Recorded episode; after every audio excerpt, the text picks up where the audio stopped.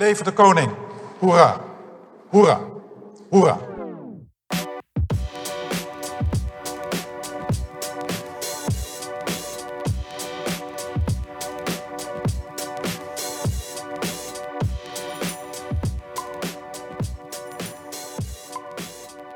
Nou, Vincent. Hey, daar zijn we weer. Ja, We zijn weer terug. Na een hele lange zomerpauze eh, zijn we weer terug. En we hebben eh, wat leuke dingen gedaan in de zomer. En we proberen, we hebben afgesproken met elkaar om iedere twee weken nu weer een eh, aflevering online te gooien. ja. Want onze zomerstop is voorbij. En we dachten laten we goed beginnen. Dus we hebben eigenlijk meteen een leek van de week uitgenodigd. Nou, stiekem heeft hij zichzelf uitgenodigd. Hij en is het ook niet echt een leek? Nee, nee, het is een expert. Nee, het is de helft van, de, van het Instagram-account, de Dutch Historian, Axel Stam. Dus de andere helft, Giel, is, eh, is helaas eh, afwezig. Maar eh, welkom, hoi. Hey, goeiedag. Ja, laat je stem even horen en dan weet iedereen wie dat Goed is. hier te zijn. Ja, leuk. Leuk. En jij kwam eigenlijk meteen, of tenminste, we vroegen aan jou van waar zullen we het over hebben. En we hadden het ook met elkaar van wat gaan we, wat gaan we doen. En ja, de, hè, de Eredivisie is weer begonnen. Europees voetbal, 5-0 overwinning. Dus we gaan het hebben over Willem II. Ja, grapje. Nee, het is, eh, het is eh, het Prinsjesdag geweest deze week ook. En ehm, een van die belangrijke mannen voor, eh, voor het Binnenhof, waar de, waar de Prinsjesdag natuurlijk plaatsvindt, is, is graaf Willem II. En dat is best wel voor ons een. nou, het kan wel een. hoe zeg je dat? Wat nattigheid opleveren voor ons als, als historicus. Want ik heb helemaal niks met de middeleeuwen. Nee, we begeven ons echt wel op glad ijs eh, deze week. Ik denk Ja. dat wij allebei, nou ja, in ieder geval voor mezelf spreek, de 19e eeuw, daar begint het voor mij eh, vaak wel, of de 18e eeuw. Ja. Maar eh, Ja, dat is grappig, want bij mij is het juist eigenlijk andersom. Ik was voorheen eh, eigenlijk in alles geïnteresseerd tot aan de 19e eeuw. Tegenwoordig in iets meer. Maar ja, ik heb me toch eh, de laatste tijd vooral eh, in onder andere graaf Willem II... maar ook de andere graven van Holland eh, geïnteresseerd... omdat ze het eigenlijk een onderbelicht deel is van onze geschiedenis... en je, nou, vooral in podcast of eh, documentaires... eigenlijk niet heel veel beschikbaar is over de graven van Holland... terwijl hun verhalen toch best, eh, best tof zijn. Ja, zeker. En eh, wat zei net ook al, ook niet bijvoorbeeld in onze middelbare schoolboeken. Of tijdens onze studie zelfs. Hè, we- je mo- Ja. We moesten verplicht een vak middeleeuwen volgen in het eerste jaar. Maar we hebben niet gesproken over Nederland eigenlijk. Alleen maar over Frankrijk, Duitsland, Engeland een beetje. Maar Dus- het is ook wel opvallend als je bij die, bij die studie geschiedenis dan... Er waren echt gasten die deden, die deden zes jaar over, die, over de intro eh middeleeuwen, zeg maar. Dat was helemaal niet populair op een of Nee. andere manier. Dat is toch wel, grappig. Het moet, je moet, je, het moet je echt liggen, zeg maar. Ja. En als het je ligt, dan, dan kan je er helemaal verzot op raken. Dat zag je ook wel bij, eh, bij veel mensen. Ja, Ja, ja, kan ik me ook wel voorstellen. Er was, en eh, heb ik ooit gevonden, dat ze vroeger een, eh, eh, op de middelbare school een eh, soort van ezelsbruggetje hadden om alle graven van Holland achter elkaar op te noemen. Ik weet niet meer precies wat het was, maar ik ben het een keer tegengekomen, maar ik denk dat het al lang en breed uit de gratie is geraakt.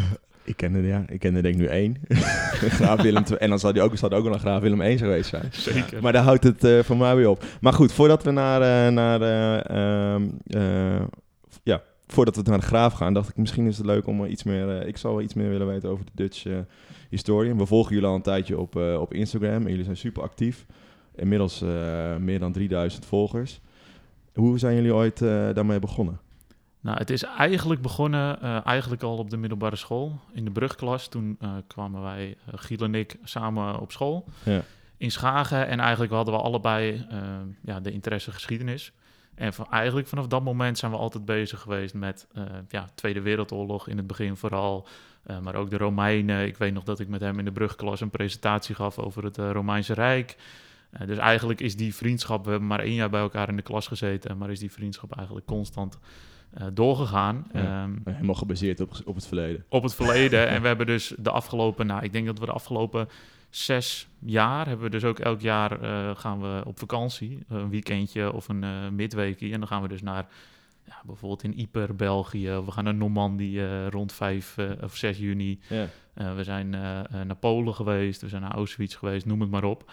En eigenlijk hebben we in die tijd zoveel informatie opgedaan dat we eigenlijk dachten van ja, we doen dit allemaal, maar we hebben allebei eigenlijk het gevoel dat we er iets mee moeten doen, omdat wij denken dat we wel iets leuks te vertellen hebben. Uh, en daarom zijn we het Instagram-account eigenlijk gestart. Ja. En het begon heel kneuterig, maar ja, Inmiddels. gaande de, ja, inmiddels word je eigenlijk een beetje gedwongen om het allemaal iets meer te plannen en iets professioneler te Ja. doen. Dus beetje bij beetje eh, gaan we vooruit.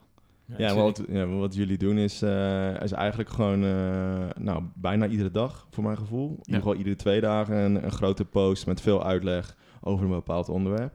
En waar baseren jullie die onderwerpen op? Is dat gewoon interesses? Ja, Of, het is letterlijk gewoon eh, wat ik doe. Ik kijk, als ik bij wijze van spreken zaterdagochtend wakker word, kijk ik een documentaire of ik lees een boek door de week.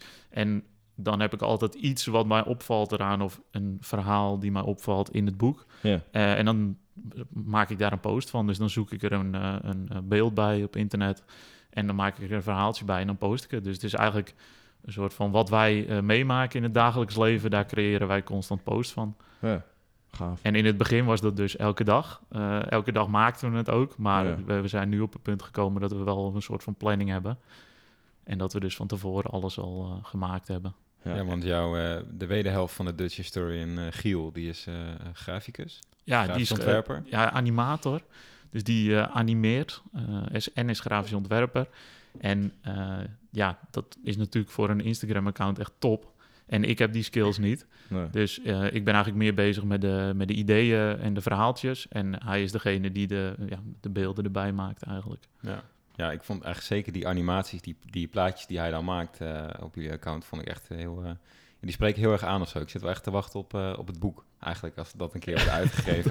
En het maakt het echt heel overzichtelijk. Ik heb ook zo'n boek van de infographics van de Tweede Wereldoorlog. Nou, dat is, dat is echt prachtig. Dan wordt het, ik weet niet, het wordt gewoon gelijk veel, eh, veel duidelijker. Ja. Ja, nou is goed om te horen. Ja. Ja. Maar jij, eh, ja, jullie zijn allebei eh, geïnteresseerd in geschiedenis. En eh, je wederhelft Giel is dus eh grafisch vormgever of animator. Maar jij doet ook iets heel anders in het dagelijks leven. Ja, ik doe iets heel anders. Ik, ben, eh, ik werk op dit moment als eh, laboratoriummanager in Amsterdam. bij een bedrijf wat eh, afval verwerkt. Ja. Dus dat is echt totaal iets anders. Ja. Ja, ik weet nog dat ik op de middelbare school kon kiezen tussen, of wilde kiezen tussen geschiedenis of scheikunde. En toen ben ik ja, eigenlijk op advies van onder andere mijn ouders, maar ook andere mensen, eigenlijk scheikunde gaan doen, omdat daar op dat moment ehm, heel veel vraag naar was. En op dat moment geschiedenis wat minder. Dus vandaar die keuze. Maar dat heeft me juist wel getriggerd om eigenlijk in mijn vrije tijd er wel volledig mee bezig te zijn. Ja. ja, je kunt uiteindelijk niks met je geschiedenisstudie, toch? Nou, stu- Ja, stiekem. quizzen winnen. Dat is wat je ermee kan. En als je daar heel erg in bedreven raakt, dan kun je wel een aard- aardige maand salaris bij elkaar zien te sparen. Maar goed, dat is voor weinigen weggelegd. Niet voor ons, als je de quiz soms eh, beluistert. Nee. nee, maar leuk dat je er bent. Eh, Ik heb nog wel eh, een Oh, eh, ja. presentje voor jullie. Ik heb normaal eh, voor mijn vrienden die eh, geïnteresseerd zijn in geschiedenis, ja. als die jarig zijn of iets dergelijks, probeer ik altijd iets eh, met de geschiedenis te geven. Hij heeft er nu een klein... ik heb een het? klein presentje Een voor jullie, dat ik hier langs mag komen. Ja. Heel benieuwd. Heel, heel iets kleins. Maar ik vind het zelf wel tof. En dat is een eh Foto? ansichtkaart uit de Eerste Wereldoorlog beschreven, 1915.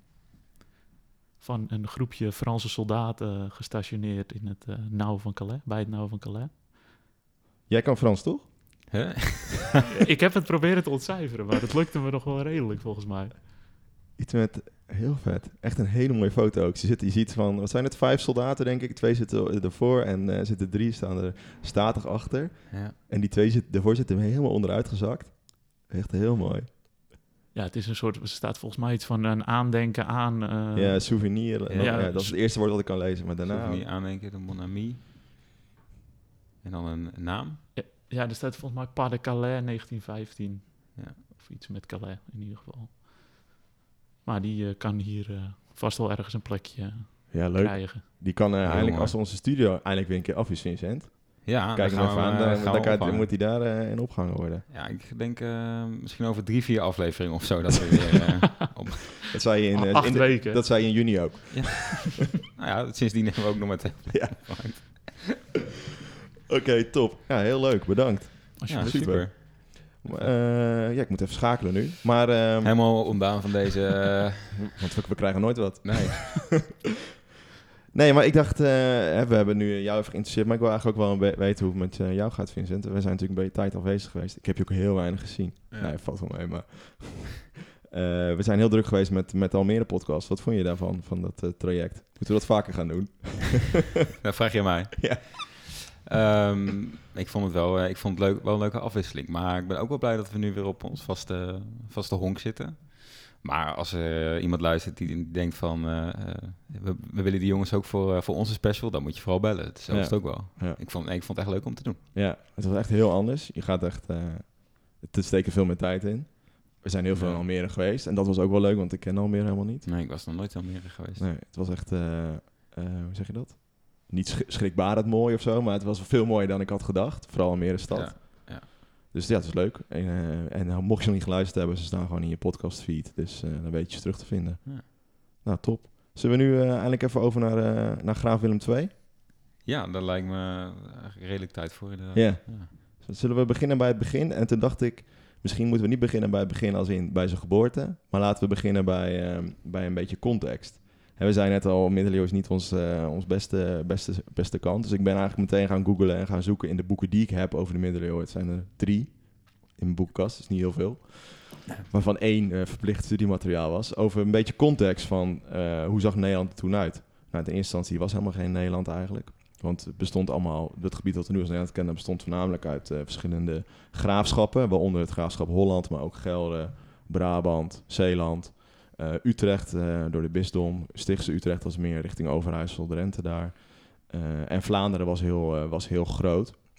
En die 13e eeuw, dus we hebben het nu rond eh, 1200, 1250 ongeveer. Die periode wordt ook wel het ontstaan van Europa genoemd door, door verschillende historici. Want je ziet dat het economisch veel beter ging. Er ontstonden steden, er kwamen allerlei kerken en markten. En onder andere door de invoering van het drieslagstelsel. Wie kent dat niet? En dat kennen we denk ik allemaal wel. Kun je dat nog uitleggen, Vincent? Eh, ja, volgens mij is dat eh, dat je in plaats van... eh, daarvoor had je wel twee slagstelsel al, toch? Ja, De e- ene jaar braakliggend terrein en het andere jaar ging je er iets op je akkertje verbouwen. En toen kwam er iemand met het lumineuze idee om op dat in drieën te delen. En Karel de Grote, toch? Karel de Grote, geloof ik, ja. ja. Maar het was wel onder zijn bewind. Ja, nee, dat je, dat je één jaar verbouw je iets op het ene akker, de, de andere laat je, laat je rusten, eigenlijk. Ja. En zo kan je constant, eh, kan je constant door. Ja, en het effect daarvan was gewoon dat de productie Ja. enorm omhoog kon. Eh, waardoor dus niet iedereen meer mee hoefde te werken aan de voedselproductie. en En een dus, surplus, hè, zoals je dat Ja. zo mooi noemt. ja, en dus de handel ontstond. En dan zie je dus dat er overal steden ontstaan rondom. eh, en daar wordt dan, dat die steden waren een soort magneet voor die, voor, voor die handel. Dus dan zie je vooral in Vlaanderen ontstaan dan echt de eerste grote steden. Brugge is daar een goed voorbeeld van. Leuven. Ja. Ehm, maar ook in, in Holland. Schravenzanden. Schavenzanden, ja. Nu, nu niks betekent, maar toen... eh, Ja, en Tiel bijvoorbeeld, lees je ook heel vaak. Wijk bij duursteden, nou ook niks meer. nee, Nee, bus 41 gaat natuurlijk vanaf hier, dat is alles wat ik weet. ja, dat is alles. wat- Ja. Maar dat is, maar bijvoorbeeld, maar bijvoorbeeld Amsterdam helemaal niet. Nee. Dat is pas allemaal later ontstaan. Dus dat is nu een beetje de, beetje de schets van, eh, van, van die tijd. Vooral eh, toch wel heel veel landbouw nog, maar verschillende steden waar dan de, de graafschap of de heer, de graaf woonde. Ja, en de religie natuurlijk, die Ja. eh, eigenlijk daar, eh, eh, daar ook heel erg in, in meespeelt. Eigenlijk de paus die steeds veel meer centralere rol naar zich toe trekt om eigenlijk de touwtjes in Europa in handen te, te krijgen. Ja, want ik zei net wel dat Nederland bestond uit voornamelijk graafschappen, maar die, al die, die graafschappen waren wel onderdeel van het Roomse Rijk. Ja, En dat Roomse Rijk, dat was eigenlijk nou, Duitsland, Italië, een klein stukje Hongarije. Maar de paus had daar wel de macht. Er was een paus en een keizer. Eh, maar de keizer moest zich wel gehoorzamen aan, eh, aan de paus. En dat levert nog wel eens problemen op. En dat komt straks in dit verhaal over graaf Willem II ook weer terug. Dus eh, dat, ja, dat is gewoon een ding- dingetje in die tijd. nou ja, dat zie je natuurlijk eigenlijk in de hele geschiedenis, denk ik, tot en met 1800, dat het constant een soort wisselwerking is tussen de zittende paus en de, de grootste heerser van, van Europa eigenlijk. Ik denk tot en met Napoleon, dat je dat, en misschien wel Napoleon derde nog, zijn, zijn nazaat. Eh, dat, je dat, eh, dat je dat nog wel ziet eigenlijk. En, en, en dat zie je hier heel duidelijk in terug, dat het constant een touwtje trekken is van wie heeft nou eigenlijk de macht. Want de meeste eh, keizers en koningen die zitten daar vaak met gratie van de paus. En, en voelen toch dat ze steeds meer macht krijgen en proberen dat ook een beetje te testen. Het is eigenlijk net, ja, ja als, als, de, als de kat van huis is, dansen de muis op tafel. En als de kat dan terugkomt, dan Ja. En je ziet ook word je heel- geëxcommuniceerd. ja. Ja, geëxcommuniceerd. Belangrijk. Ja, je ziet heel erg in die tijd dat eh, eh, je eigenlijk steun had, no- nodig had van bepaalde delen van het Roomse Rijk. En als je dat niet had, dan eh, kon, eh, eh, kon je zeg maar, niet erkend worden als leider. Dus als iedereen jou mocht en jij werd keizer, dan was het prima. Maar je had vaak dat misschien maar een derde van het Rijk dacht van... nou prima, jij bent een legitieme keizer. En de rest dacht van, hey, we moeten je eigenlijk helemaal niet. De paus zegt wel dat jij eh, keizer bent, maar... Ja. Eh, En ik had, want eh, jij zei het al, er zijn, waren heel veel graafschappen in het Heilige Romeinse Rijk en ook een eh, aantal keurvorsten. Dat waren dan eigenlijk soort, weer een soort onderkoningen. Dat waren er volgens een stuk of vijf en, en in latere tijd waren het er negen, geloof ik. Ja. Maar volgens mij, dat gevoel heb ik een beetje dat al die, al die vorsten van al, die, van al hun verschillende kleine graafschapjes en, en, en bisdommen en koningsdommen en al, allemaal dat voor- soort verschillende soorten eh, organisaties, dat zij het ook allemaal wel best vonden. Als er dan een keizer op een troon zou zitten, eh, dat zij dat ook helemaal niet per se ambieerden. Ze waren gewoon baas in, eh, in hun eigen regio, hadden eigen soevereiniteit en wat er allemaal op het hogere toneel afspeelde, dat waren vaak dan, nou ja, misschien de wat meer melag. Romane mannetjes die, die echt de absolute macht wilden, of dat is de symbolische macht. Maar uiteindelijk dan- hadden de koningen echt best wel veel macht gewoon in die graafschappen zelf en was het meer misschien niet symbolisch, maar Ja, dat net lastig vragen. om- Was dan, in te iets schatten. meer, Maar ja, was dan niet meer symbolisch? Maar wat is dan precies de verhouding tussen die, die graven in, in Holland en eh Gelder, weet ik veel, en dan zo'n zo'n keizer in, eh, nou waar zat hij vaak? Aken? Ja, Eh, wat, nou, wat het eh, inderdaad Aken. wat het ding was op dat moment was dat je had keizer Hendrik had de macht en zijn eh, zoon Koenraad ja, zou hem, zou hem op- prima naam inderdaad, zou hem opvolgen. En je eh, ziet dat eigenlijk die, die, die Hendrik dus mm, eh, dingen doet die de paus niet leuk vindt. Eh, de paus excommuniceert hem en vervolgens is het zo van ja, wie moet het gaan doen? En dan zie je dus ook dat heel veel mensen er eigenlijk geen zin in hebben. Dat Nee. heel veel vorsten denken van, nou, weet je, doe jij het maar, want ik heb er, eh, Ja. ik heb er geen zin in. En dan, dan zie je heel erg die, het symbolische ervan. Het is niet zo dat je er heel erg op vooruit gaat, blijkbaar. Anders zouden ze het misschien wel doen. ja. Ja, Frederik was het volgens mij. Of Frederik, ja, ja. Frederik de tweede inderdaad. En, En- en seizoen Koenraad de vierde, geloof ik. Ja, en dan kwam En- Hendrik en kwam dan kwam daarna. daarna, Ja, ja, dat klopt, inderdaad. Nou ja, want volgens mij was het zo dat Frederik inderdaad, die moest van de paus naar, eh, naar Jeruzalem. Nou ja, dat is natuurlijk ook een terugkerend dingetje wat we in de hele geschiedenis zien. Kruistochten. Eh, ook een touwtje trek tussen de eh, islamitische wereld en de christelijke wereld, Jeruzalem. Eh, maar goed, dat ging volgens de paus niet snel genoeg. Eh, het duurde allemaal veel te lang, dus eh, werd eh, Frederik geëxcommuniceerd. Want hij zat daar natuurlijk En- gratie van de paus. En als hij dan niet deed wat de paus zegt, nou, dan was hij ook, kon hij ook zo weer weggaan. En dan werd hij dus geëxcommuniceerd. Dat gebeurde dan vaak. Dan, dan, Ja, wat betekent dat precies? had, je, had je eigenlijk niet meer de steun van de paus. Ik denk dat je net zo... Ja, ja, Oh, dat- ja. Een soort motie van wantrouwen. inderdaad. En ik denk dat je ook gelijk naar de hel ging en al dat soort dingen. Dat zat er vast allemaal vast. Maar het was niet zo dat hij zijn leiding gelijk, dat hij gelijk niks meer voorstelde. Nee, dat was niet het geval, want hij kreeg dus een deel van het rijk bleef. Maar da- dan ga je inderdaad zien van hoe symbolisch is die macht nou en, en heeft die paus nou alles voor het zeggen? Of, Ja. Eh, want eh, juist die, die, die verschillende graven en koningen, die hadden het eigenlijk wel prima. Die hadden best wel veel privileges en die vonden, eh, zeg maar onder Frederik, dus die waren niet gelijk van eh, dat ze achter de paus stonden. En toen kreeg je dus heel erg een tweestrijd tussen een pausgezinde kamp en, eh, en het kamp dat eigenlijk achter Frederik en, eh, en zijn familie stond. En al de bisdommen achter de paus. Ja, Ja. Ja. ja. Zit dit uh, ademen neemt jullie te luisteren, joh. Ik, ik wist het allemaal niet. Maar goed, dat is leuk. Daar denk ik dat het nu tijd is om dan eh, te gaan naar eh, graaf eh, Willem II. Hè, we weten nu de context. Hij was geboren in februari eh, 1227. En zijn vader was Floris de, de vijfde en zijn moeder was Machteld van... de. Nee, voor de Floris de vierde inderdaad. En zijn moeder was Machteld van, van Brabant.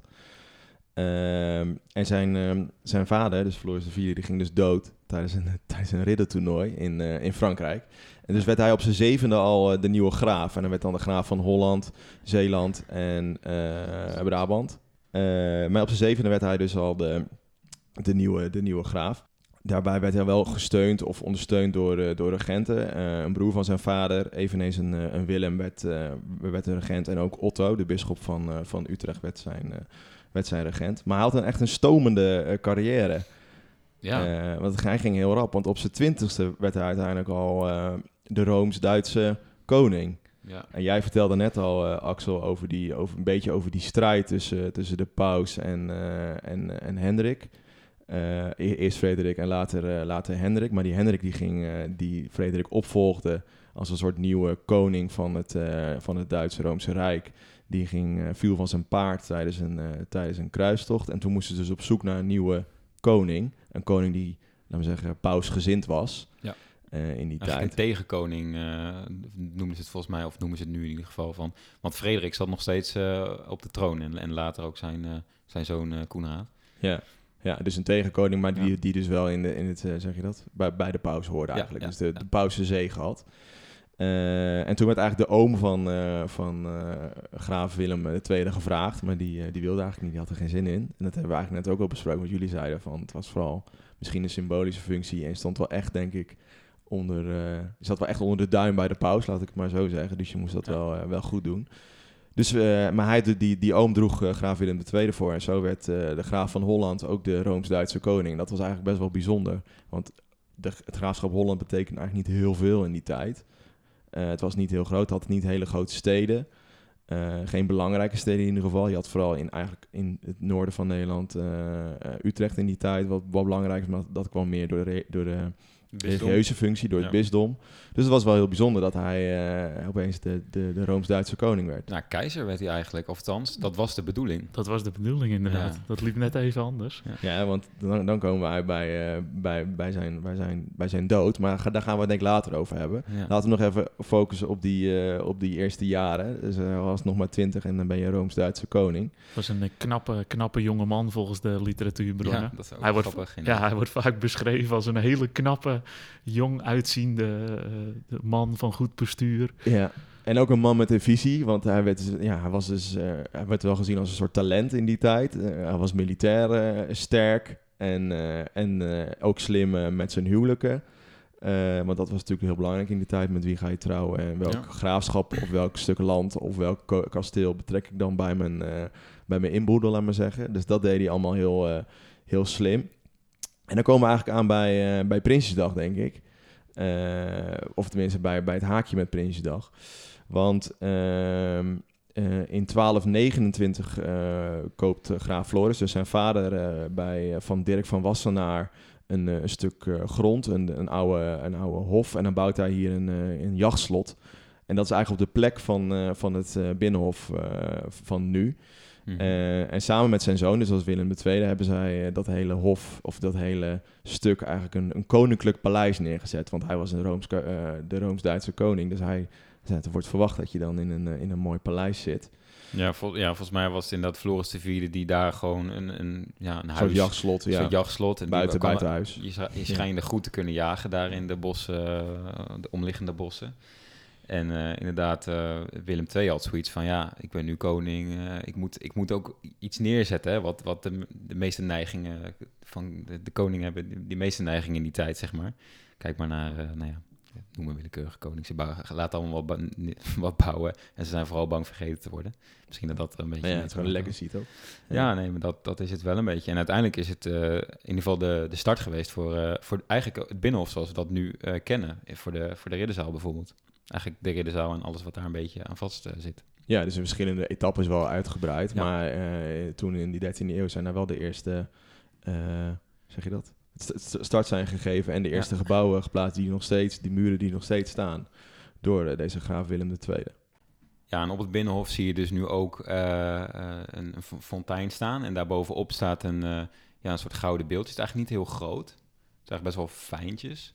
Ehm, en eh, dat, is, eh, dat is dus een beeldenis van, eh, van, van graaf Willem II.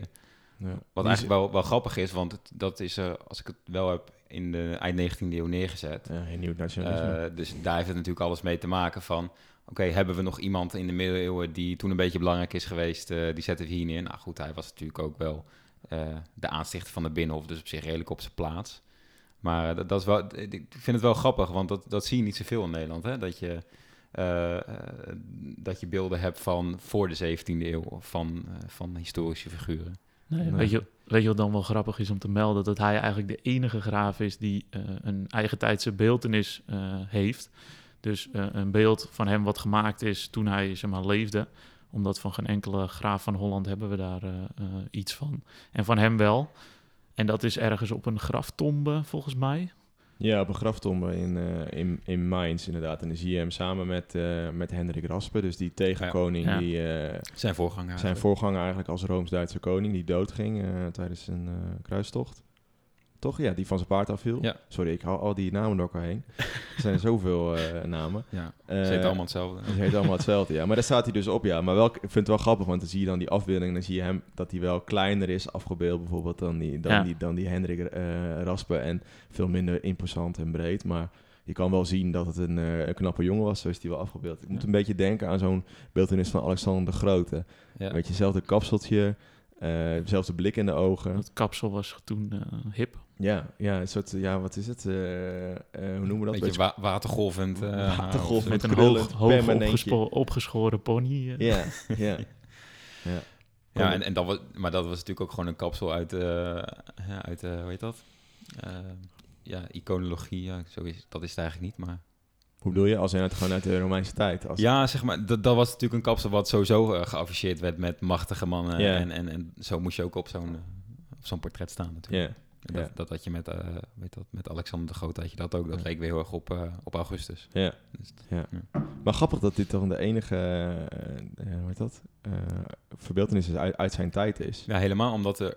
Er zijn natuurlijk wel beeldenissen van graven van Holland, maar die zijn dus allemaal gebaseerd op, nou, wat je net ook zei, ook van deze graaf Willem II is wel een chroniek eh, eh, van, het was inderdaad een slimme man, het was, eh, hij zag er zo uit, eh, hij was Mhm. super knap, de schrijver Ja, was een je klein merkt- beetje verliefd op hem. Je merkt heel erg dat eigenlijk die, de informatie naarmate de eeuwen vorderen eigenlijk steeds meer wordt. Want vanuit de start van, van de, familie, zeg maar, waar Willem eh, in zat, dus de graven van Holland, vanaf het begin is echt helemaal niks bekend. In het begin weten ze, nou, Dirk 1 eh, en Dirk 2, dat zouden dan bijvoorbeeld weer drie of vier mensen geweest kunnen zijn. Dus daar weten ze eigenlijk echt helemaal niks van. Nee, nee. En naarmate de eeuwen vorderen, komt eigenlijk steeds meer eh, informatie beschikbaar. Dus het is best wel een interessant...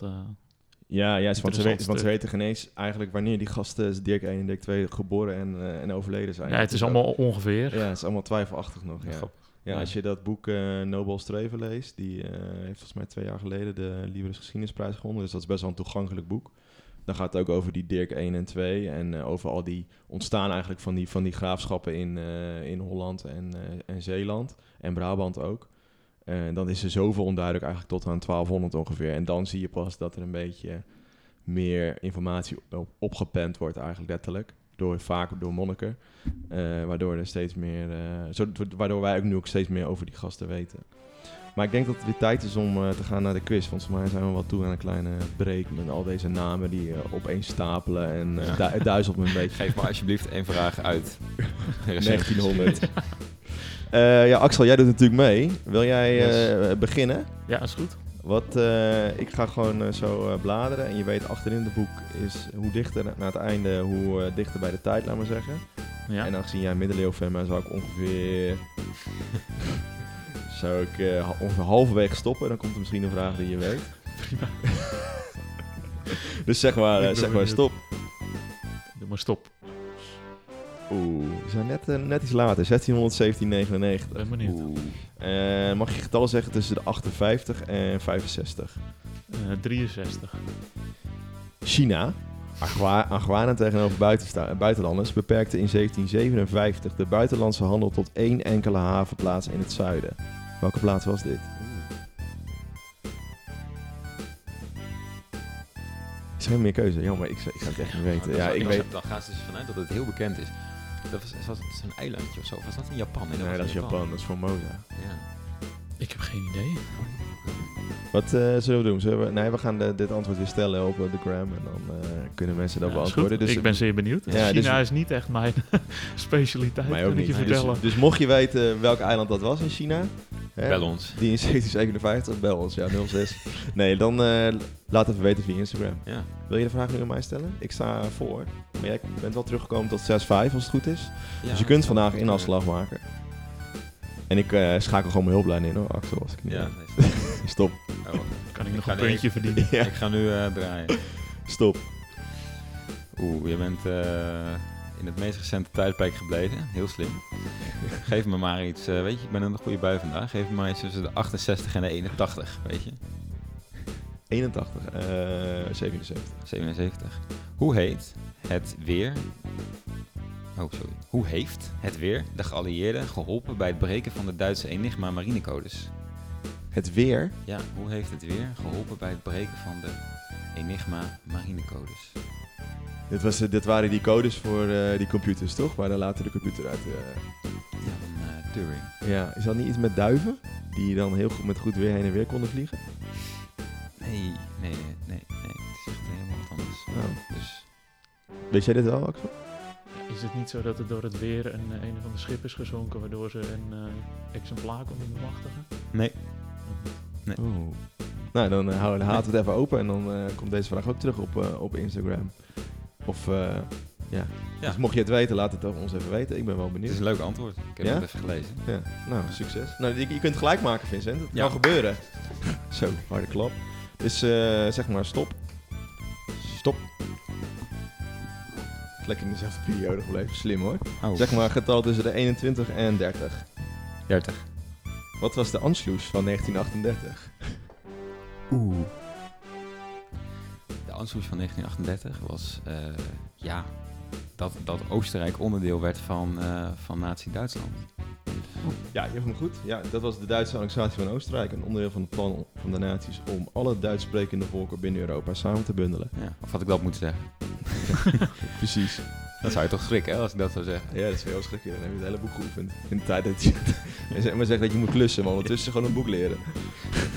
nee, 6-6. Gefeliciteerd.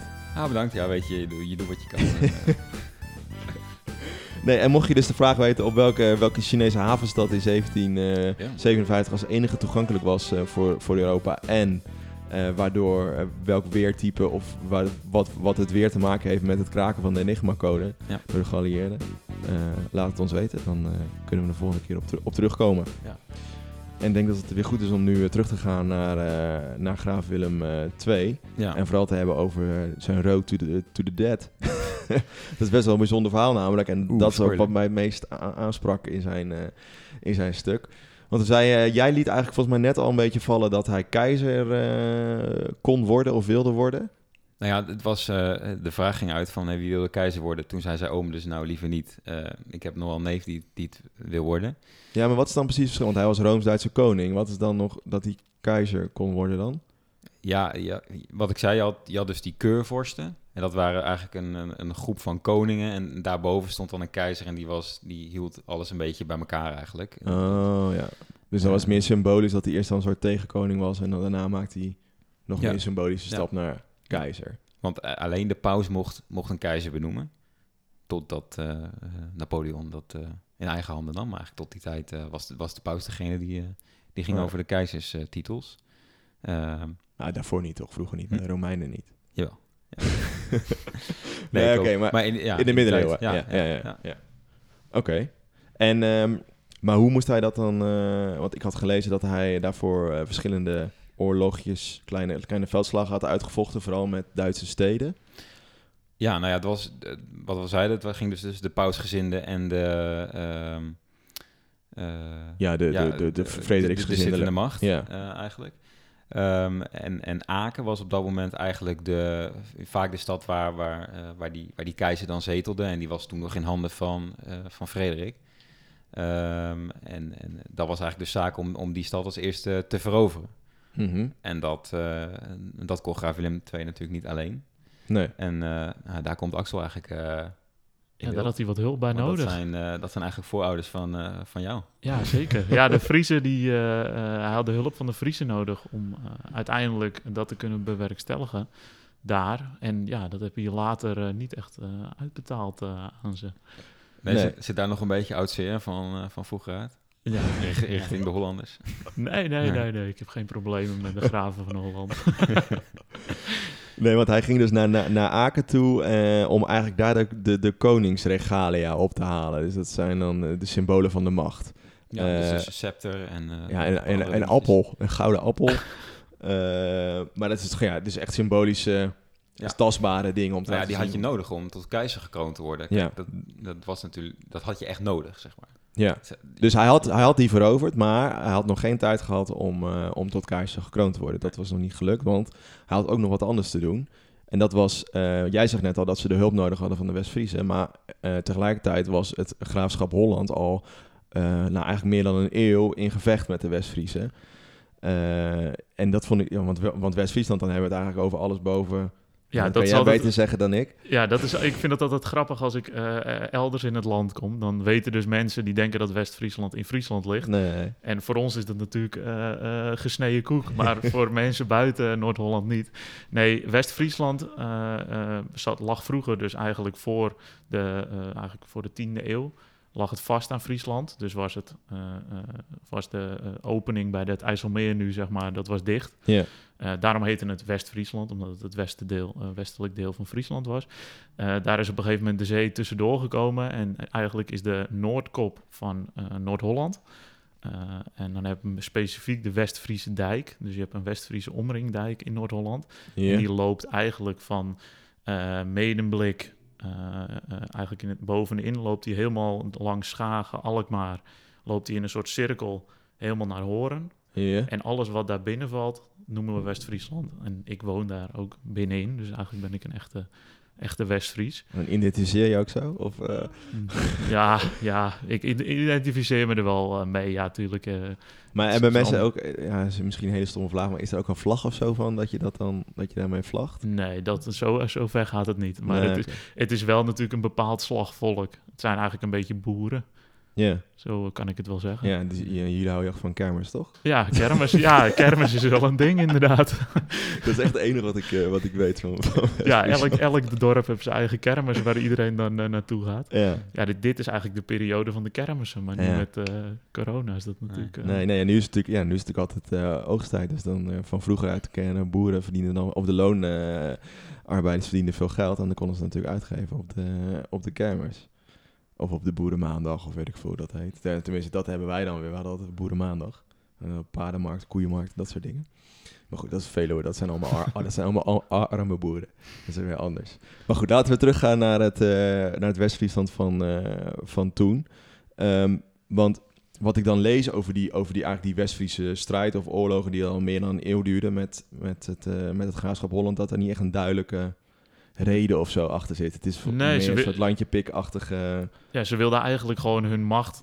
De graven van Holland willen eigenlijk gewoon het macht over dat deel van eh, Noord-Holland. En die kregen ze niet, omdat Nee. ze het gewoon niet voor elkaar kregen om die Friesen onder de, de West-Friesen onder de duim te houden. Nee, En je ziet dus, ja, eigenlijk de, de honderden jaren daarvoor, dus eh 11e, 12e eeuw, zie je constant dat er dus ja, schermutselingen zijn eh, tussen de eh, legers van de graven van Holland en de West-Friese. ja. Alkmaar wordt bijvoorbeeld ook geplunderd halverwege de 12e eeuw. En ja, daar is op een gegeven moment, denkt Willem de Tweede ook van... joh, ik word bijna Rooms keizer. ja, Weet je, rot op met die West-Friese. ja. Ik ga die even een, eh, een eh, kopje kleiner maken. Ook al hebben ze me eh, één of twee jaar eerder geholpen. Ja. Dat doet me niks. Dus dan gaat hij ja, eigenlijk de West-Fries een kopje kleiner maken. En trekt hij met een leger West-Friesland in. En dat gaat dus redelijk mis. Ja, want, want dan, dan, dan, dan zie je dus dat hij allerlei burchten gaat bouwen in eerste instantie. Want het is, als je dan leest, is het een soort guerrilla-oorlog van die West-Friesen... die het land veel beter goed... Of, of tenminste, de, gewoon de, de omstandigheden veel beter kennen. Mhm. Het is heel drassig en moerassig in die tijd. Eh was nog niet gepolderd. Ja, dat, dat ja, natuurlijk ook met eh, die West-Friesen die hielpen bij Aken. Eh, dat deden ze ook met, eh, met een soort slimme truc met water in de stad laten lopen. Dus dat geeft ook aan dat ze daar gewoon heel erg bedreven in waren. En nou, eigenlijk in het, eh, op het moment dat, dat Willem ten strijde trekt, is een, is een groot voordeel eh, eigenlijk voor zijn kant en in het nadeel van de Friesen. Ja, nou ja, maar nee, het is niet helemaal waar. Want in eerste instantie ging hij nog een paar keer... Heeft, dan zie je eigenlijk dat hij twee keer probeert... tijdens die drassige periode, dus eh, waarschijnlijk een warme periode, aan te vallen. En dat lukt dan niet. En dan trekt hij zich terug, gaat hij zijn leger versterken... bouwt hij wat meer burchten en wacht hij eigenlijk tot het winter wordt. Want als het winter is, dan ligt Ja. er overal ijs. Ja. Dus dan kan hij eigenlijk in één keer die, die oversteek maken. Maar daar gaat het mis. Daar gaat het mis. Goed mis. ja. Eh, want hij, eh, nou, het, is, er er ligt ijs. Het is inmiddels februari, of nee, januari eh, 1256. Hij is 28 jaar oud. Hij is nog een jonge, jonge gozer. En hij gaat over het ijs richting die West-Friese toe. En eh, ik denk dat hij een beetje overmoed had. Want hij was inderdaad bijna de Roomse, de Roomse keizer. Dus Ja. een van de machtigste mannen van, eh, van Europa in die tijd. En Ja. hij gaat voor zijn troepen uit. Inderdaad, dat, dat lees je inderdaad. Van dat hij een eindje voor zijn troepen uitging. Waar dat dan van waar is, Ja, vind dat, ik twijfelachtig. Maar er zijn historici die eigenlijk het, eh, denken dat het precies andersom was. En dat, Dat- het later natuurlijk geromantiseerd is. Ja. Dat hij eigenlijk eh, zijn troepen vooruit stuurde En dat hij achterbleef in een kamp. Ja. En dat de West-Friesen gewoon gedacht hebben, ja, we, eh, we omsingelen dat kamp en we pakken hem daar. Want je, le- ja, want, want je dus leest is dat hij vooruit ging en toen in een, in een wak terecht in een kwam. wak terecht kwam en dat ze hem toen eh, te grazen hebben genomen. En dat er Mm. niemand bij was. Ja. Maar eigenlijk is het En dat verhaal... is natuurlijk ook heel laf, hè? En, en dat wordt er natuurlijk Ja. ook een beetje mee neergezet. Ze hebben hem laf vermoord. Ja. Niet, niet des konings. eh, nee. En dat ze daarna zijn lichaam ook hebben meegenomen. Dus dat ze zijn lichaam niet hebben terug kunnen vinden. Nee. En dat is nog steeds een, nog, nog steeds een punt van, punt van discussie. Maar ik vind het interessant dat je net zei dus eigenlijk dat nu historici zeggen dat dat verhaal eigenlijk niet klopt en dat hij waarschijnlijk gewoon achtergebleven is en toen Ja. gepakt is. Ja, het is niet zo dat daar bewijs voor is. Maar als je gewoon kijkt naar de- hoe het ging in die tijd... dan is het zeer, zeer onwaarschijnlijk dat het op die manier is gegaan. Ja, het is gewoon ja, het is niet normaal dat, dat, een, dat een koning voor zijn troepen uitgaat. In zijn eentje. Nee, in zijn eentje niet. Nee. En vooral niet in dat gebied met die omstandigheden en met de kennis van de West-Friese die...